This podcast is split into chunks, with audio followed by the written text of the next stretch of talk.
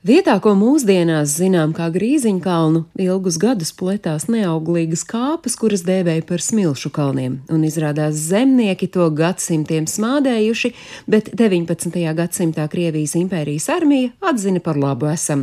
Nu, ņemot vērā, ka tolaikā guberņas galvaspilsēta ar savu strateģisko un militāro nozīmi Rīga bija krietni militarizēta, tad tieši te smilšu kalnos ierīkoja artilērijas nometni.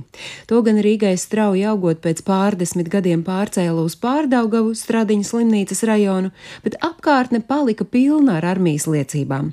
Tieši tāpēc mēs lasām ielu nosaukumus vēl šodien lielgabalu, artērijas, sapieru, laboratorijas, bet maiznīcas iela ir tāpēc, ka tur bija milzīgas maizes ceptuvju graudu noliktavas, kas domātas, lai maizi ceptu tūkstošiem karavīru. Tieši tāpēc tagadējais Grīziņkalna rajons savulaik izveidojās kā karavīru pilsētiņa.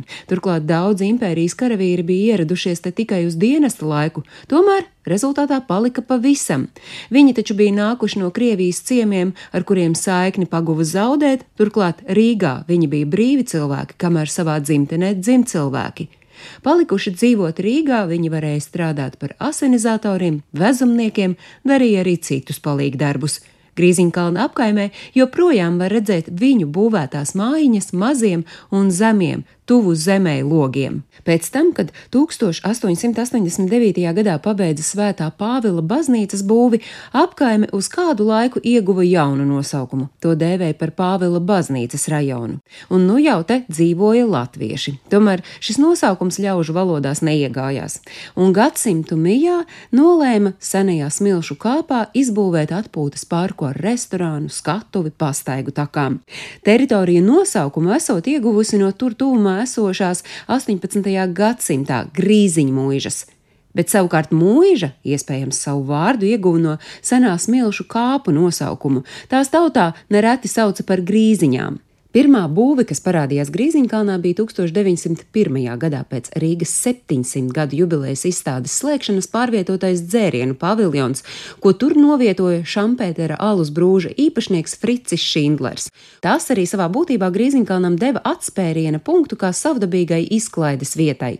Grīziņkalna īpatnais tērašu reliefs ļāva to izmantot vienlaikus visdažādākajām vajadzībām, un jau pašā sākumā teritoriju sadalīja divās daļās lejas, jeb izpriecu daļā ar atrakcijām, deju laukumu un koncertu zāli, un augšējā apstādījuma daļā. Drīz Grīziņkalna dienvidu nogāzē uzcēla vienkāršu nekrāsotu koka ēku ar ieeju no Pērnavas ielas puses.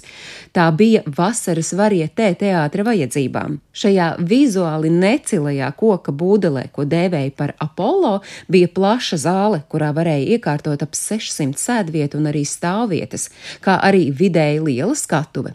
Un tad pienāca 1903. gads, kad 8. jūnijā notika gan Grīziņkalna parka, gan arī Apollo teātra oficiālā atklāšana. Teātrī tika uzvesti viegli un jautri varietē priekšnesumi, dēļas, farsi, operetes, apmeklētājus izklaidēja arī cirka mākslinieki. Un neraugoties uz to, ka Apollo bija izvietots Rīgas nomalē, tas kļuva par vienu no iecienītākajiem krogiem Rīgā, kur apmeklētājus parasti visvairāk varēja sastapt tieši nedēļas nogalēs. 1905. gadā rudenī teātra telpas izdemolēja un teātris slēdza. Vēlāk telpas nomāja Latviešu tautas teātris, ko neoficiāli sauca par Grīziņkalna teātri, tāpat nereti to joprojām dēvēja par Apollo.